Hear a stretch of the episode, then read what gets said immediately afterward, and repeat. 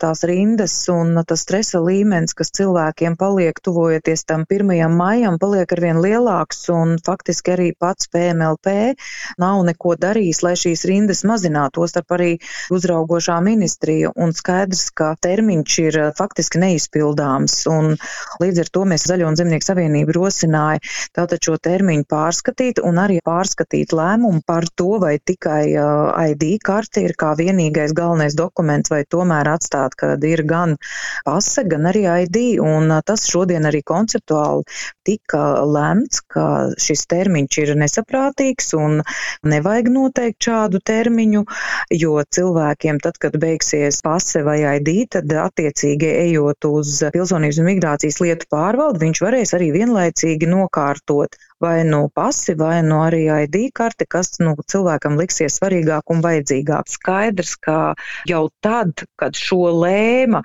manuprāt, bija jau skaidrs, ja nestiprina pilsonības migrācijas lietu pārvaldu kapacitāti un atalgojumu jautājumu, tad šo normu izpildīt nevar.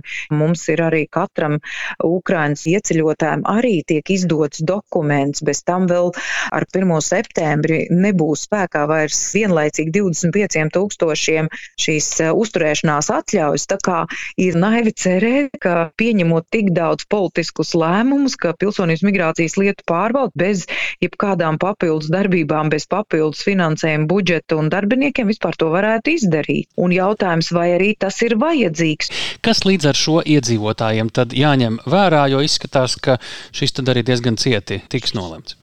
Tik un tā spriedze uzreiz nemazināsies, jo ir ļoti daudz blakus uh, lietu, kas cilvēkiem ir jāizdara. Bērniem ir nepieciešams tāpat vesela virkni pakalpojumu, tas ir braukšanas pusdienas un vēl viss kaut kas, kur bērniem arī ir nepieciešami visādi apliecinoši dokumenti. Līdz ar to rinda mazināsies, vairs nebūs šajā rindā apzinīgi pilsoņi gribēja tiešām līdz tam 1. maijam izdarīt. Tie varēs pagaidīt, kamēr viens vai otrs uh, personu apliecināšana dokuments dokumenta termiņš beigsies. Ja tā būs pase, tad cilvēks atnāks mainot pasi, viņš saņems arī personu apliecinošu dokumentu. Protams, ja viņam būs vajadzīgs tas, uz ko mēs virzam, ka vai nu vienu, vai nu otru, jo tie kritēriji, kas bija pat iepriekš, ka lūk, personas apliecinošs dokuments vajadzīgs, lai varētu visiem nodrošināt uh, elektronisko parakstu, elektroniskās e-pasta adreses, tas vairs neiztur faktiski kritērijus, jo e-mobilā visus dokumentus var parakstīt. Mēs tagad nolēmām korrigēt koriģētos grozījumus, par ko šodien visi arī vienojās, varētu tad arī virzīt jau steidzamības kārtā.